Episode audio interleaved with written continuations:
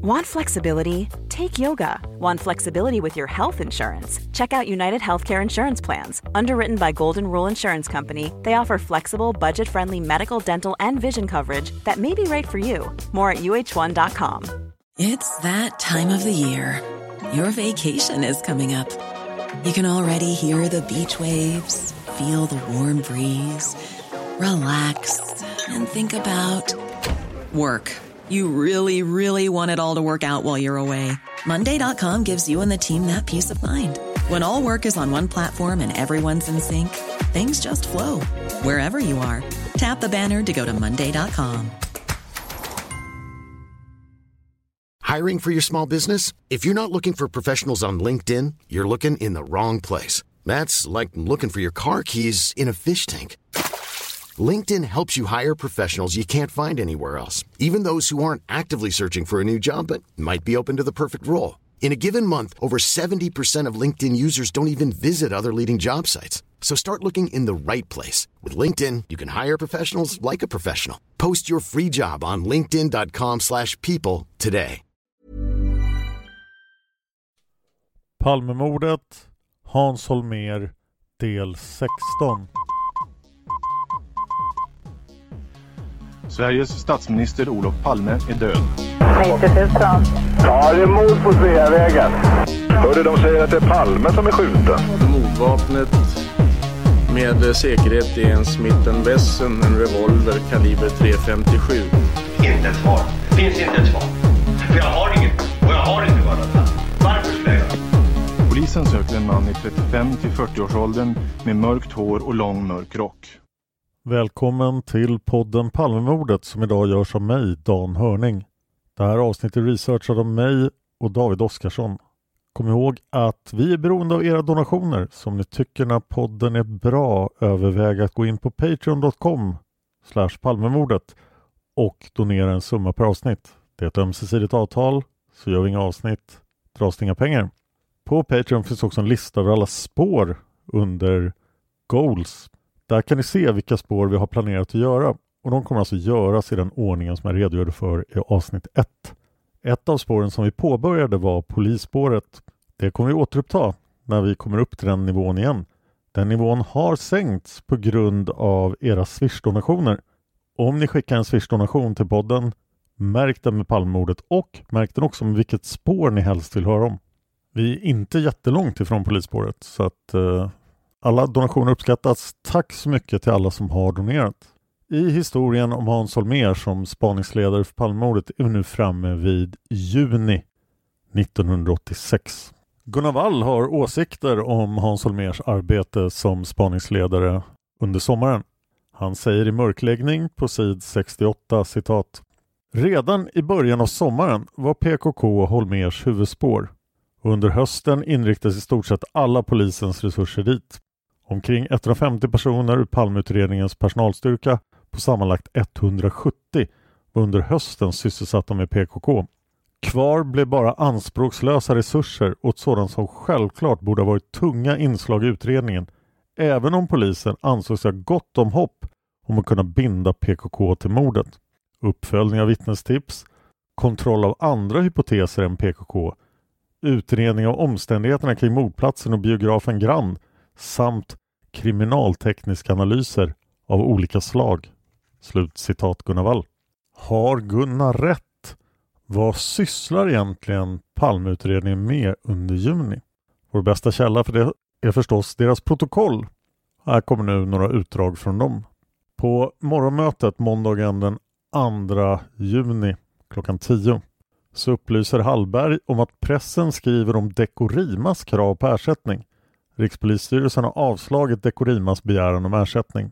Robert upplyser också i samma protokoll om att det inte finns någon dödslista. Det är förenat med viss svårighet att lista ut vad ledningsgruppen ägnar sig åt eftersom förhören är ganska censurerade. I protokollet från morgonmötet tisdagen den 3 juni kan man läsa om lunchmöten med facket och att Expressen vill intervjua en massa poliser.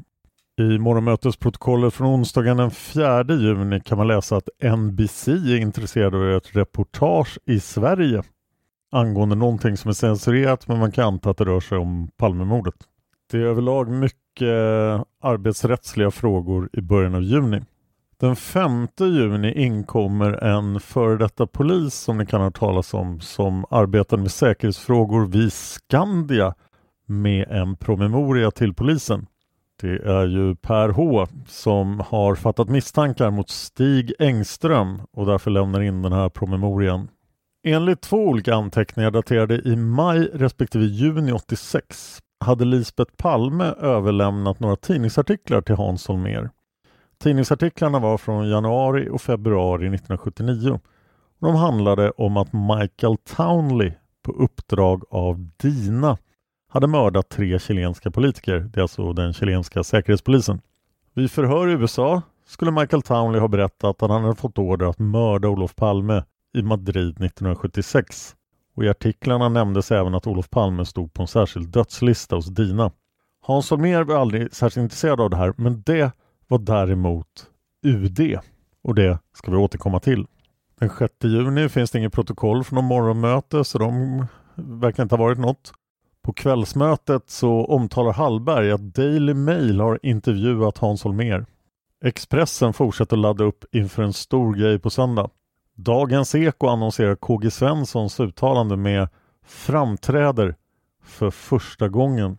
Lördagen den 7 juni är också bara ett möte. Det sker klockan 14. Där är det mest prat om KG Svensson och media men Holmer upplyser också om främmande ubåtar.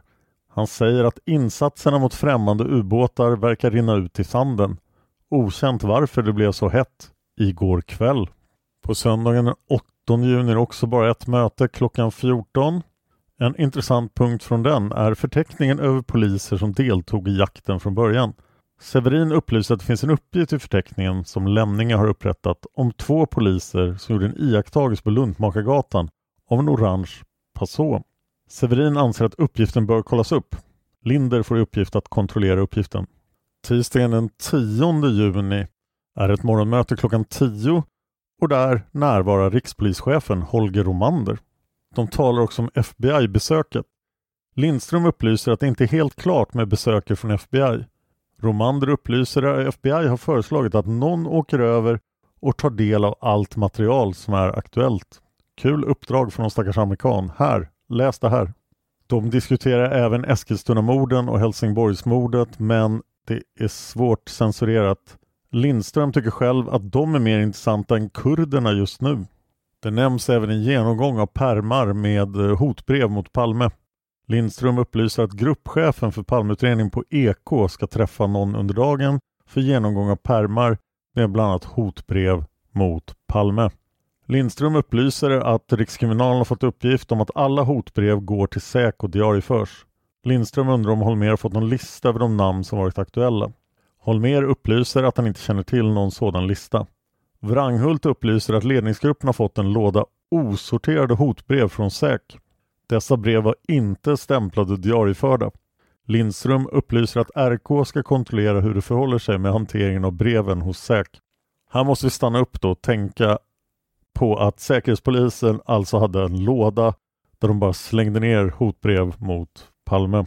Det kan ju indikera att det fanns väldigt många hotbrev. Lindström undrar om det finns något blad, han måste mena bland, men det står blad, de obearbetade tipsen som är värt att jobba vidare med. Är de registrerade i datan undrar Lindström. Linder upplyser att tipsen är lästa två gånger samt att de inte är inlagda i datan. Det har låg prioritet. De diskuterar också inbrottet på svenska ambassaden i Paris. Romander upplyser att SÄK har folk på plats. Polisen har gripit gärningsmannen, vilken verkar ha varit ovetande om att han gjorde inbrott på en ambassad. Ambassadör Lidbom saknar en lapp med anteckningar om besök av någon från regeringen. Det är det enda som verkar intressant i ärendet enligt Romander. Lite senare, Ståhl upplyser att han har fått handlingar från SÄK angående avlyssningskontrollen. Det finns inga tecken på avlyssning.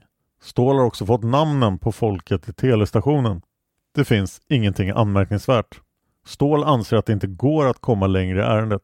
Holmer påpekar att ärendet får avföras från aktivitetslistan vid nästa revidering av aktivitetslistan. Lite senare. Gruvedal upplyser om att det anträffas en patron 9 mm vid Olof Palmes gata Drottninggatan, alltså hörnet, den 31 maj. KKT fick kulan idag. Kulan påminner om Palmekulorna. Den är av koppar. Patronhylsan stämmer inte med kulan. De tar också upp husrannsakan i Palmes kassaskåp. Wranghult undrar om Rikskriminalen tittat om de har några uppgifter om husrannsakan i Palmes kassaskåp. Wranghult upplyser att det fanns två kassaskåp och att SÄK enbart var med vid husrannsakan i det ena skåpet. Wranghult påpekar att det kan vara nödvändigt att fråga någon som är censurerad om de två svarta böckerna. Rikskriminalen undersöker ärendet enligt Lindström. På morgonmötet den 11 juni kan man läsa att eh, personen som uppgivit att han har varit delaktig i mordet inte har kommit. Linder upplyser om att mördaren inte kom till KK1 idag enligt överenskommelse. Han har hälsat genom sin syster att han har ljugit och att han inte har för avsikt att komma till polisen. Systern har fått beskedet att om han inte kommer till förhöret blir han spärrad och hämtad till förhör. På lördagen den 14 juni hålls ett morgonmöte klockan 10. Där upplyser Lindström om att Rikskriminalen träffade Lisbeth Palme dagen innan. De diskuterade bevakning med henne. Nästa dag den 15 ska hon åka till Paris och hålla ett tal. Hon åker tillsammans med Sten Andersson och Perm. Lite senare i protokollet tror Holmer inte att de kommer att fira midsommar på det sätt de har tänkt sig. Den 18 juni midsommar nära. Holmer upplyser om att ledningsgruppens arbetstider under midsommarhelgen är följande. Under förutsättning att inget speciellt inträffar hålls ledningsmöten fredagen den 20 juni klockan 10. Lördagen den 21 juni hålls inget möte.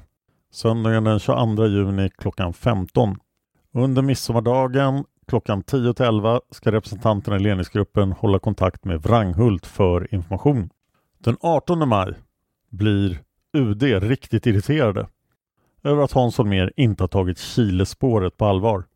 Michael Townley, han skulle ju faktiskt mörda Olof Palme 1976. Granskningskommissionen säger citat UD synes ha företagit en del egen utredning i dessa delar och det är tydligt att berörda befattningshavare känt irritation över vad man uppfattade som ointresse för dessa spår från mordutredningens sida.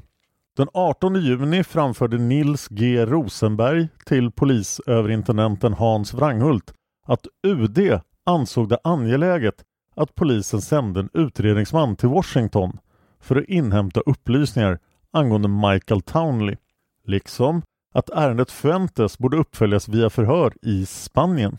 Wranghult återkom enligt vad som antecknas vid UD samma dag och meddelade att Rosenbergs propå hade behandlats i spaningsledningen samt att ärendena inte bedömdes som så viktiga att åtgärderna behövde utföras. Och de hade mycket riktigt tagit upp det i ledningsgruppen och struntat i det.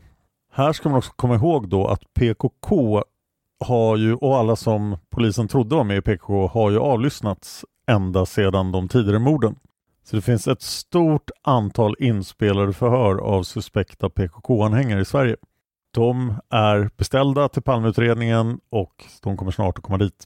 När man läser ledningsgruppens protokoll från juni får man ganska tydligt intryck av hur Palmeutredningen tappar fart.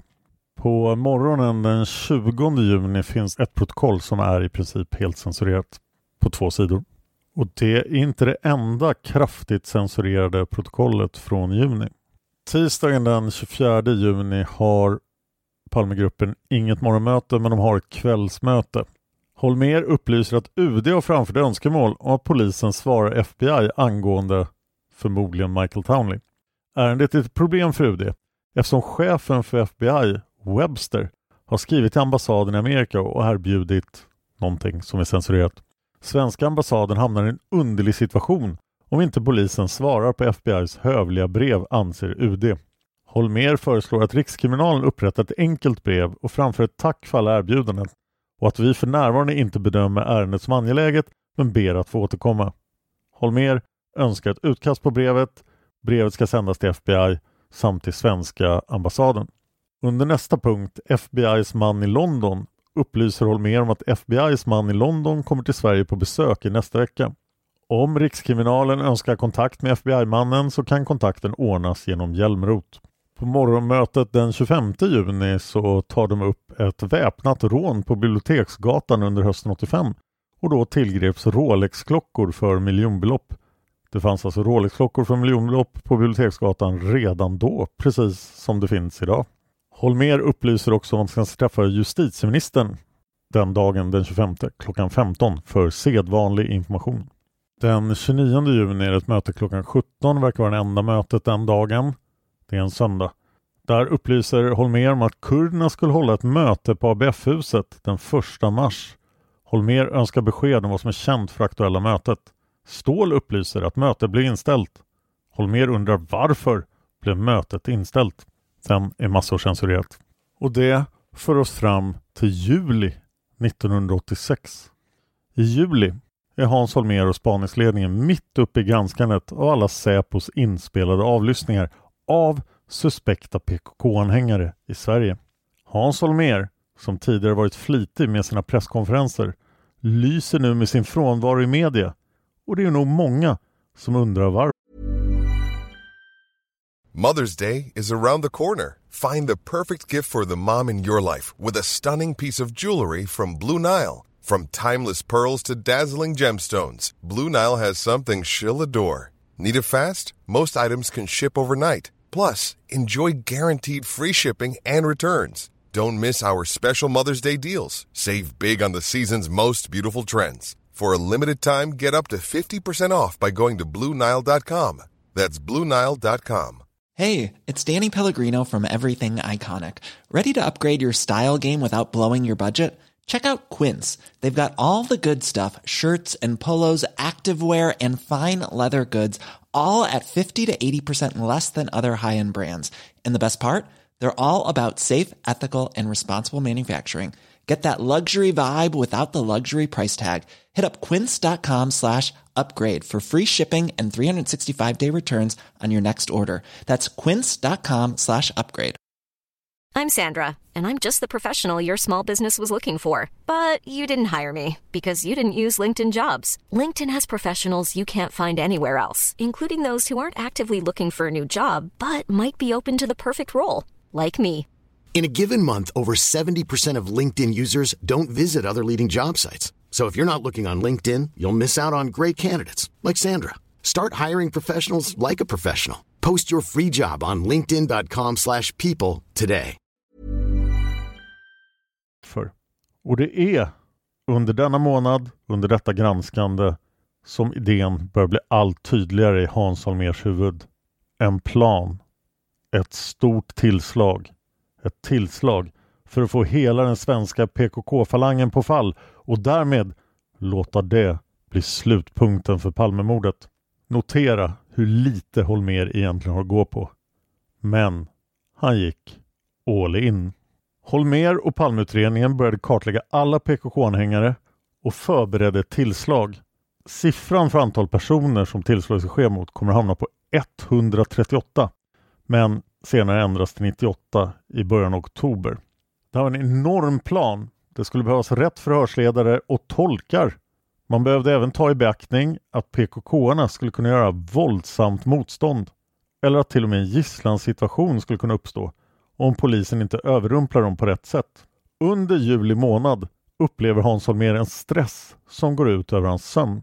Hos Åsheden kan man läsa om en specifik natt då han vaknar klockan fyra alldeles kallsvettig efter att ha drömt hur en man jagade och sköt efter honom på Vasagatan. Hans Holmér tolkade dock sin och även sina kollegors dåliga sömn som någonting positivt. Han har sagt följande om saken. Citat. Vi sover sämre nu. Jag har varit nervös den senaste veckan. Det är ett gott tecken. Jag kände aldrig någon nervositet kring Viktor Gunnarsson. Det var bara skräp. Men det här. Här finns det mördare. I varje buske. Slutcitat. Det är mycket möjligt att det ligger mer i det uttalandet än man till en början kan tro. Hans Holmér har ju skaffat sig livvakter på eget bevåg. Enligt juristkommissionen har han haft livvakterna ända sedan den 3 mars och vi har nämnt dem förut. Bland annat Gunnar Wall pekar på det underliga i det här då det vanligtvis är någon annan än den som får livvakter som bedömer att det finns ett behov av livvakter.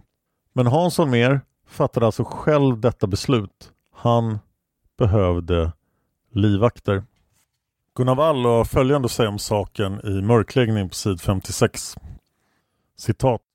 Ingenting som någon journalist skickade till sättning bidrog dock till mytbildningen kring Hans Holmér så effektivt som en av hans tidigaste åtgärder som spaningsledare.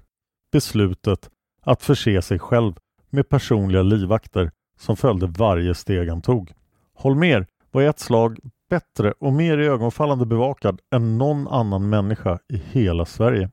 De ständigt närvarande skinnjackeförsedda poliserna kunde inte annat än mana fram tv-tittarnas känsla av att samma mördare som hade skjutit Palme också hotade Hans Holmér. Men var Hans Holmér hotad? Dåvarande överåklagaren i Stockholm, Claes Seime, var aldrig imponerad av den påstådda livsfara som Hans Holmér skulle ha svävat i.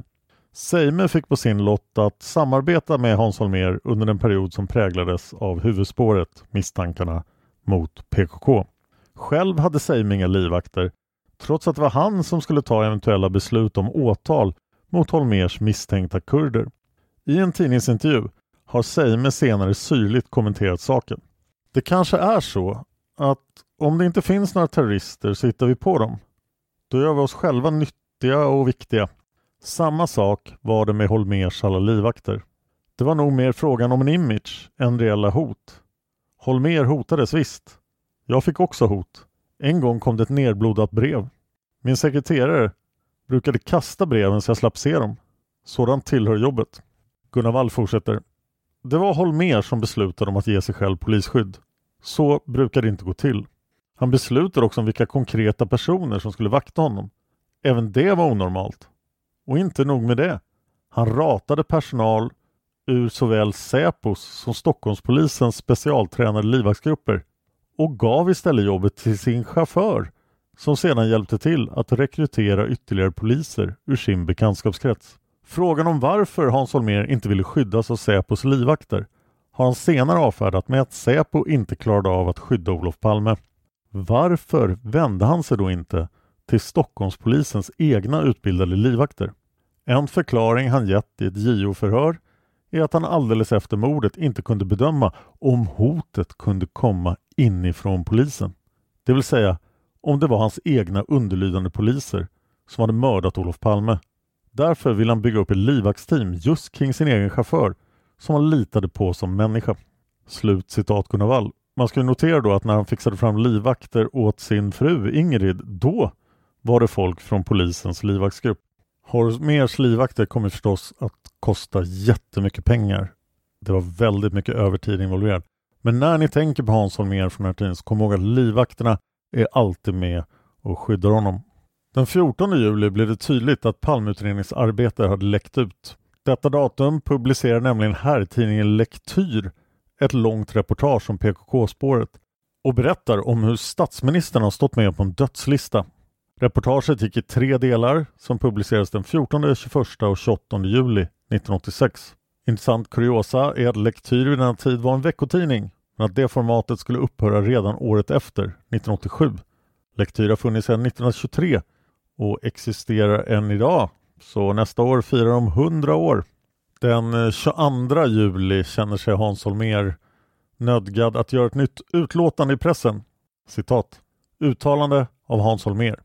Under de senaste dagarna har många journalister frågat om läget i utredningen om mordet på Olof Palme. Vi arbetar idag den 22 juli lika intensivt som tidigare. Vi har den senaste tiden gjort vissa framsteg av stor betydelse. Jag bedömer emellertid att det ännu ligger ett omfattande och svårt arbete framför oss. Tiden kan mätas i veckor och månader. Jag kan för dagen inte avslöja något nytt från mordutredningen men lovar att återkomma så snart detta är möjligt. Till alla som med intresse följer vårt arbete vill jag säga att min optimism är obruten. Underskrivet Hans Holmér. Slut citat. Det märks att det är många som har semester i juli i Sverige. En av dem är Solveig Riberdal. Gunnar Wall skriver i mörkläggning på sid 161 citat. Under sin semester i juli hade Riberdal kontakt med Claes Seime och fick höra att Hans Holmér hade presenterat den promemoria där han hade skissat upp Operation Alfa. När jag fick ta del av promemorian sedan jag kommit tillbaka blev jag bestört. Det hade inte särskilt mycket med brottsutredning att göra. Gunnar Wall fortsätter. Snarare tyckte hon att det handlade om en militär operation. Hon kände sig något främmande för det hela. I promemorian argumenterade Holmer för sitt huvudspår, särskilt genom att trycka på att PKK skulle haft starka motiv att mörda Palme. Riberdal var inte imponerad. Hon sa en mördare behöver inte ha motiv. Motivet behöver inte bevisas, utan det som bevisas är vem som har utfört brottet. Hon menade dessutom att det var fel av Hans Holmér att börja med att sätta upp en hypotes och sedan försöka få den bekräftad. Istället ansåg hon att man måste utgå ifrån det material man har och dra slutsatser av det. Slut citat Gunvall. Den 28 juli har Holmer möte med de båda åklagarna Claes Seim och Solveig Ribedal. Där berättar han vidare om sina planer på att spränga PKK. Och allt detta ska ske i den episka Operation Alfa. Vi ska återge en kort sammanfattning från granskningskommissionen och Operation Alfa som allmän information. Citat granskningskommissionen. Målet var att slå mot organisationen med sådan kraft att PKK rasade samman så att brott kunde beivras och utvisningar äga rum. Genom en samordnad aktion skulle ett stort antal företrädare för PKK gripas och förhöras. Genom en sådan styrkedemonstration skulle det göras klart för den kurdiska gruppen att PKK-männen inte var osårbara. Härigenom räknade Hans Holmér med att människor med intressanta uppgifter skulle våga träda fram och berätta för polisen vad de visste om mordet på Olof Palme. Inför tillslaget, som vid denna tid planerades att äga rum i oktober 1986, skulle utredningen koncentrera sig på att samla in fakta om PKK. Slutcitat. Vad ingen vet är att förberedande insatser mot PKK redan har börjat och att arbetet med uppgiftsinsamling nu gått över till buggning. Den tidigare buggade Ismet C, som ni kommer ihåg från bröllopssamtalen, får sin lägenhet i Haninge buggad för andra gången den 20 juli. Det finns starka indicier på att det var Hans Holmér som beordrade denna buggning, men han har aldrig själv erkänt det. Hans Holmér förklarar för åklagarna att idén med tillslaget är åtal och domar mot de inblandade och eller utvisning av ett stort antal PKK-are för deras inblandning i avhopparmorden i Uppsala, i Medborgarhuset och i mordet på Olof Palme. Slutcitat. Således var det nu upp till åklagarna att bedöma om det här verkade rimligt. Enligt Hans Holmér själv var Claes Seime och Solveig Riberdahl med på noterna så länge de personer som skulle gripas kunde kopplas till brottsplatsen på Sveavägen. Tidigare nämnda säkerhetsaspekter diskuterades även de. I ett samtal med Åsheden förklarar Holmer sin syn på säkerhetsfrågan på följande vis. Citat. Man kan bara skydda sig själv med rigorös säkerhet. Det innebär nästintill ett liv som apa. Jag kommer inte att kunna gå ut och köpa en vinare på systemet. Slutcitat. Det är intressant att han tar just det som ett exempel på vad han kommer att vara förhindrad från att göra. För Hans Holmér verkar ganska hälsosam och inte som någon som tycker att det är jätteviktigt att köpa vinare på systemet. UD undrar vad som har hänt med Chilespåret och Michael Townley. Granskningskommissionen säger citat i en fyllig promemoria från ambassaden i Washington daterad en vecka senare finns en redogörelse för Townley-ärendet, den information som har inhämtats via FBI och de förberedelser ambassaden har gjort för att möjliggöra ett informationsutbyte mellan FBI och den svenska mordutredningen. Även Fuentes berördes. Slutcitat. Hans Holmér fortsätter att ignorera UDs Palmemordsutredning. Det var ett snabbt sammandrag av juli. Nu ska vi se om det finns några höjdpunkter i ledningsgruppens protokoll från juli. Den 4 juli redogör Lindström för ett mord som förövades vid internationella socialistkongressen i Portugal 1985. Tillvägagångssättet liknar Palmemordet. Gärningsmannen sköt offret i huvudet bakifrån på ett avstånd av cirka 50 cm. Den misstänkte gärningsmannen var 178 cm lång och mörkhårig och sprang från mordplatsen. Han greps senare och dömdes för innehav av falska handlingar till fängelse i fyra år. Han kunde ej bindas för mordet. Han har uppgivit ett flertal falska identiteter. Han frigavs den 9 februari 1986 då han också transporterades till Libanon. Polisen i Libanon ska skicka ett foto på den aktuella personen. Mordvapnet vid det aktuella dådet var en 9 mm Makarov-pistol. Lördagen den 12 juli har ett hot framförts om att eh, någon hotar att skära upp magen på berörda ansvariga om inte mordet på Olof Palme har klarats upp före den 28 augusti. Det pratas mycket om huvudspåret. Den 14 juli informerar Holmer om meddelande från Iraks ambassad om iranier som avser att utöva attentat mot Iraks ambassad och ambassadören. Även kurder lär vara inblandade. Den 16 juli på ledningsgruppsmötet informerar Ståhl om att en semesterledig diplomat från Kanada hört av sig och tipsat om en berömd fjärrskådare som bland annat har anlitats av Princeton University. Tisdagen den 22 juli är det två möten, ett morgonmöte och ett kvällsmöte. På morgonmötet kan man bland annat konstatera att eh, Rikskriminalen fortsätter att försöka få tag på den kvinna som tillhör EAP och som sågs på biografen.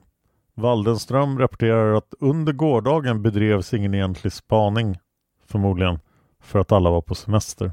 Man ska inte underskatta kraften av svensk industrisemester. Det är verkligen inte mycket som händer i juli. Ledningsgruppen tar även upp sådana här spännande saker från den 23 juli.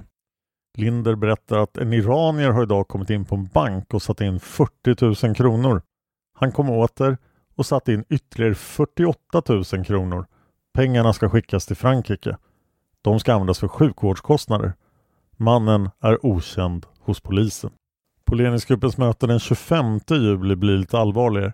Lindström tar upp frågan om spaning kontra bevisföring. Är undersökningarna vid mordplatsen klara? Är åklagarmyndigheten förberedd? Kan man gå in och störa för att få en reaktion? Kan man göra utspel i media? På kvällsmötet den 25 juli så pratar Holmer om att Olof Palme träffade den turkiske premiärministern i FN i höstas.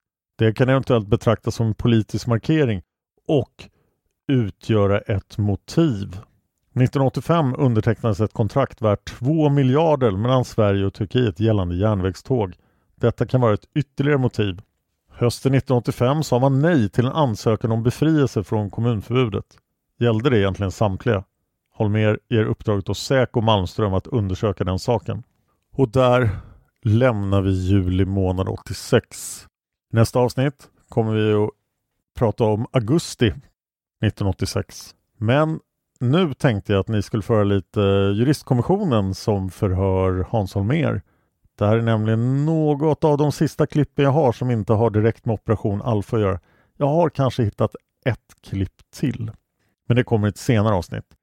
Det här handlar huvudsakligen om tidiga utredningsåtgärder i mars och april som jag inte hittar någon plats för i tidigare avsnitt. Bland annat utredningen av Olof Palmes person och lite kontakter med regeringen. Så varsågod Hans Holmer.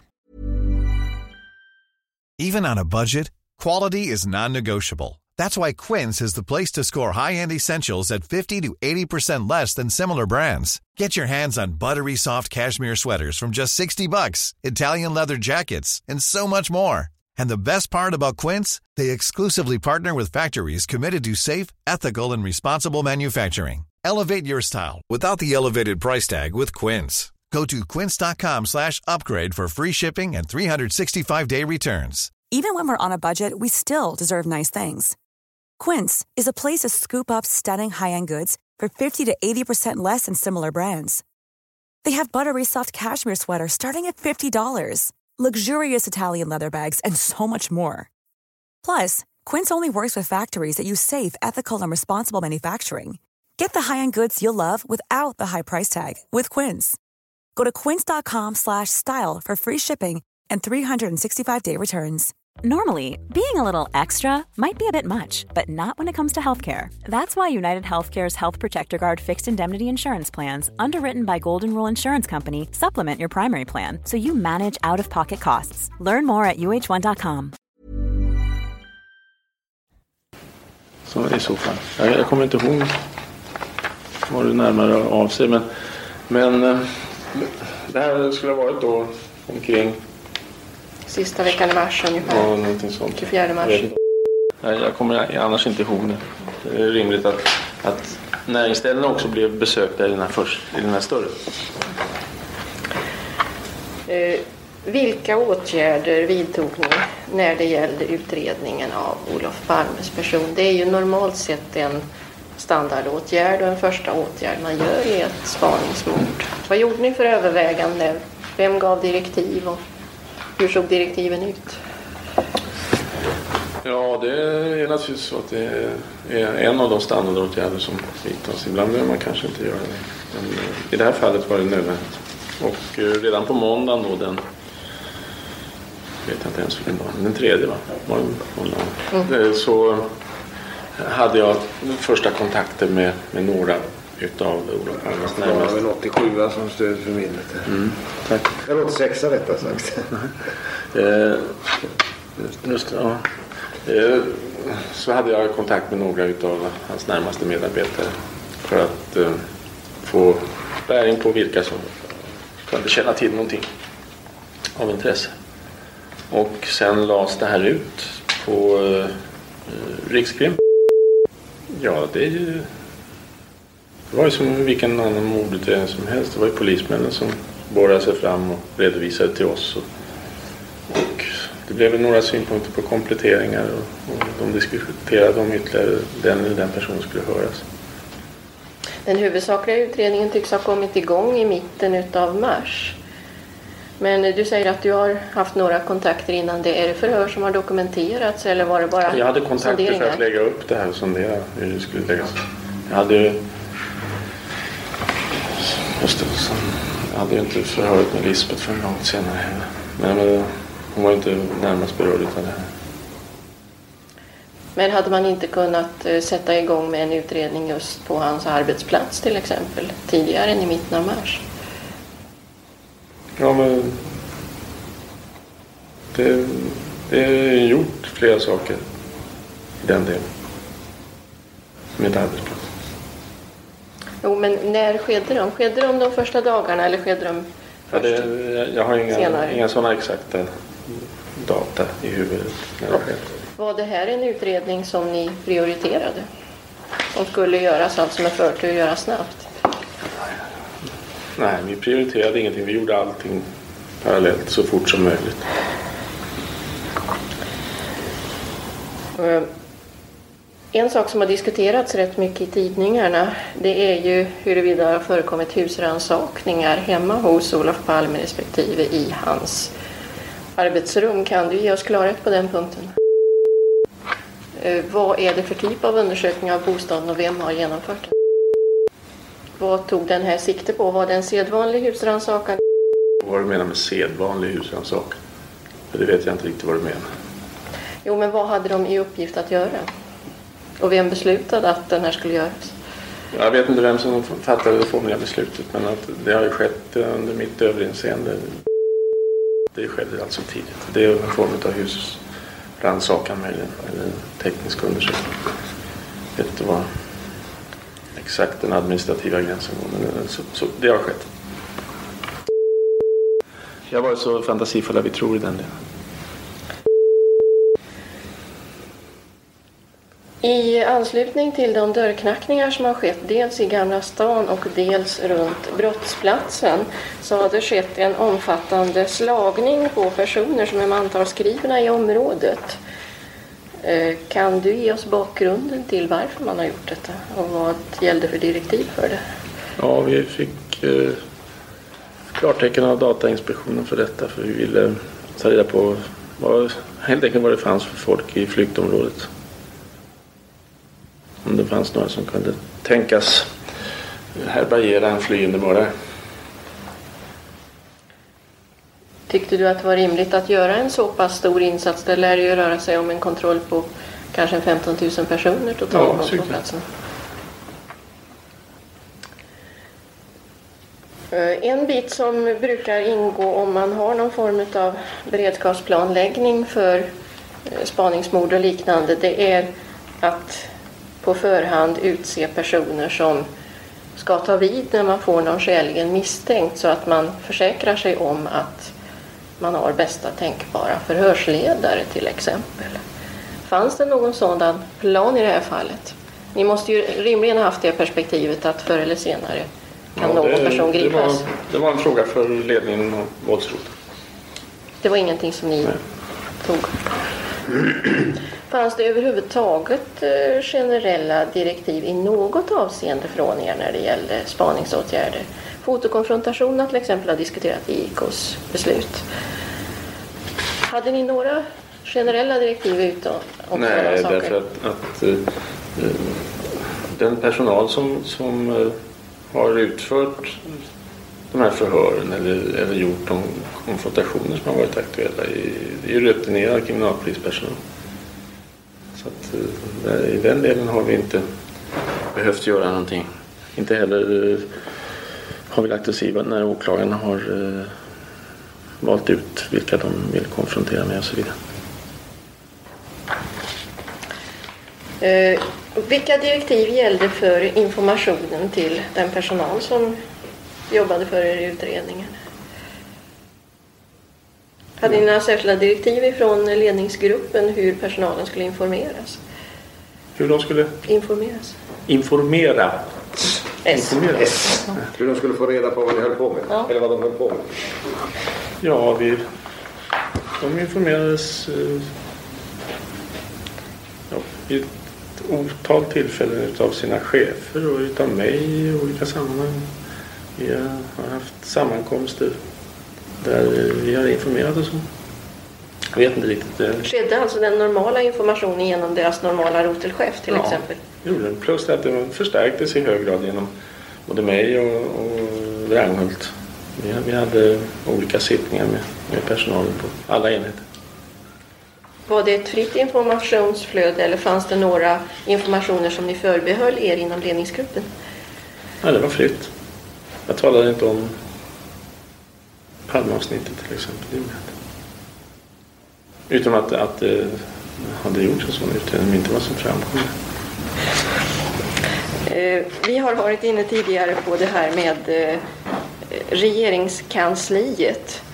Eh, Det finns en, ytterligare en bit utav det, nämligen den här så kallade statssekreterargruppen och information till statsrådsberedningen. Kan du något ge oss en bild av det? Ja, jag har träffat eh, den här eh, gruppen med Kjell Larsson som ordförande och det, det är den du avser förstås. Schori var med va? Förlåt? Pierre Schori var Ja, eh, det var alltså Kjell Larsson, Pierre Schori, eh, Jonas. Jonas Widgren, eh, Hans Dahlberg, Harald Fält. Eh, Jag har träffat dem eh, fyra gånger tror jag. Inte säker, men ja, det rör sig om det. Och de har inte all, alla varit med då. Pierre Schori har varit borta en eller ett par gånger. De hade inga ersättare. Och i det här fallet så gällde det då säkerheten för, för um, statsråden och för uh, Rosenbad överhuvudtaget. Det är de frågor som har varit. Du har informerat partiledarna. Kan du säga ungefär hur många gånger det har skett? Mm. Tre gånger. En gång... eh, Första gången var efter begravningen i mars månad. Vi har en uppgift om 21 mars, kan det stämma? Ja, just det. Ehm, och då, var, eh, då fick de en allmän information. Ja, det har de fått vid, vid alla tillfällen. Ehm, men då gällde det också och det fick de då. Det var det huvudsakligen första. Sen eh, de andra tillfällen har det varit en, en genomgång av eh, spaningsläget utav tämligen eh, eh, ingående natur vid de bägge senare tillfällen. Statsministern, i vilken utsträckning har du informerat honom? Ja, jag, eh,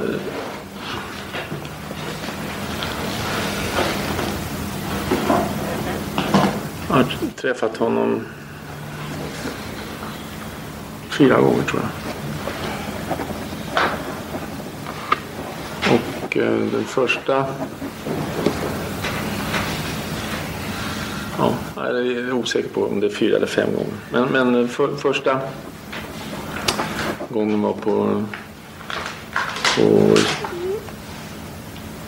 Jag gör åtskillnad mellan när jag så att säga, informerat hela regeringen. För att det var på måndagen så eh, i de här kontakterna som jag då nämnde som jag tog i anslutning till Olof Palmes person så talade jag bland annat med statsministern. Det var en sån tillfälle. Sen så, så har han eh, i vid några tillfällen ett par tillfällen så har han utbett sig om att få eh, information om, om läget. Det har han då fått. Sen i övrigt så har jag då träffat regeringen vid två tillfällen. En gång på söndagskvällen den andra. Andra mars alltså? Mm. Ja. Och eh, en gång eh,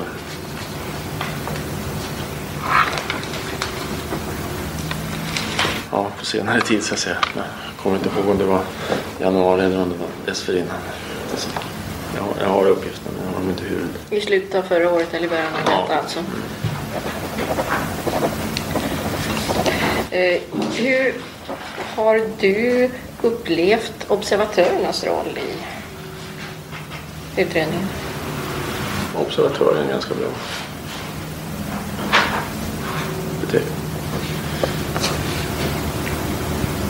Har du använt eh, observatören för att få fram ytterligare information utöver den som har kommit vid sammanträdena till justitiedepartementet? Har du använt honom som en kanal i det avseendet? Har du haft några kontakter med de här vid sidan om de kontakter som har skett på sammanträdena? Ja visst. Claes Bergstrand är chef för polisenheten så jag har talat med honom om olika frågor som anslagsfrågor, administrativa frågor på det sätt som man har kontakt. Jag finns på Twitter, Youtube och Instagram. Jag heter Dan Hörning så är lätt att hitta. Följ mig gärna på alla de tre plattformarna. Du kan också mejla oss på podden palmemordet.gmail.com Det är Eva och Tobias som läser mejl där men till slut når de fram till mig också. I min podd Olösta mord kommer vi snart att ta upp ett annat av Sveriges största olösta fall. Vi tog ju tidigare upp Sven Sjögren och ett antal andra fall som vampyrmordet. Men nu ska vi gå på djupet med Viola Widegren och göra minst 13 avsnitt om det mystiska försvinnandet när Viola gick ut genom dörren och sen aldrig hittades. Vi har hjälp av en eh, privatspanare som tyvärr inte är i livet längre som har efterlämnat alla sina efterforskningar till oss. Plus att vi har fått ut massor av handlingar ur arkiv i fallet Viola Widegren. Låter det intressant? Lyssna på Olösta mord. När jag spelar in det här vet jag inte när det här avsnittet kommer ut men Viola ska ha börjat i slutet på april senast i Olösta mord. Du hittar podden Olösta mord där du hittar Palmemordet. Kom ihåg att alla ledningsgruppens protokoll finns på palmemordsarkivet.se. Du är aktiv på Facebook och även gärna med i Facebookgruppen FUP och övriga handlingar om du vill hjälpa till att få ut mer handlingar från Palmeutredningen. Det är Jonas Nyman som är där och han har varit med i podden. Tobias är aktiv i Studio Palmemordet på Facebook och där postar han också avsnitt. Vi vill gärna ha iTunes-recensioner. Lyssnar du på ett Apple device så lämna gärna en iTunes-recension. Tack till alla som sponsrar podden via Patreon eller Swish. Tack till Lukas för musiken. Tack till expertgruppen, vår jurist, våra researchassistenter, speciellt Cornelia. Tack till David Oskarsson som skrev det här ursprungliga manuset om Hans Holmér.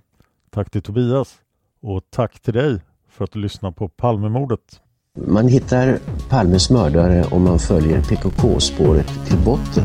Därför att ända sedan Julius Caesars tid har det aldrig hört talas om ett mord på en framstående politiker som inte haft politiska skäl. Polisens och åklagarens teori var att han ensam hade skjutit Olof Palme. Och det ledde också till rättegång, men han frikändes i hovrätten.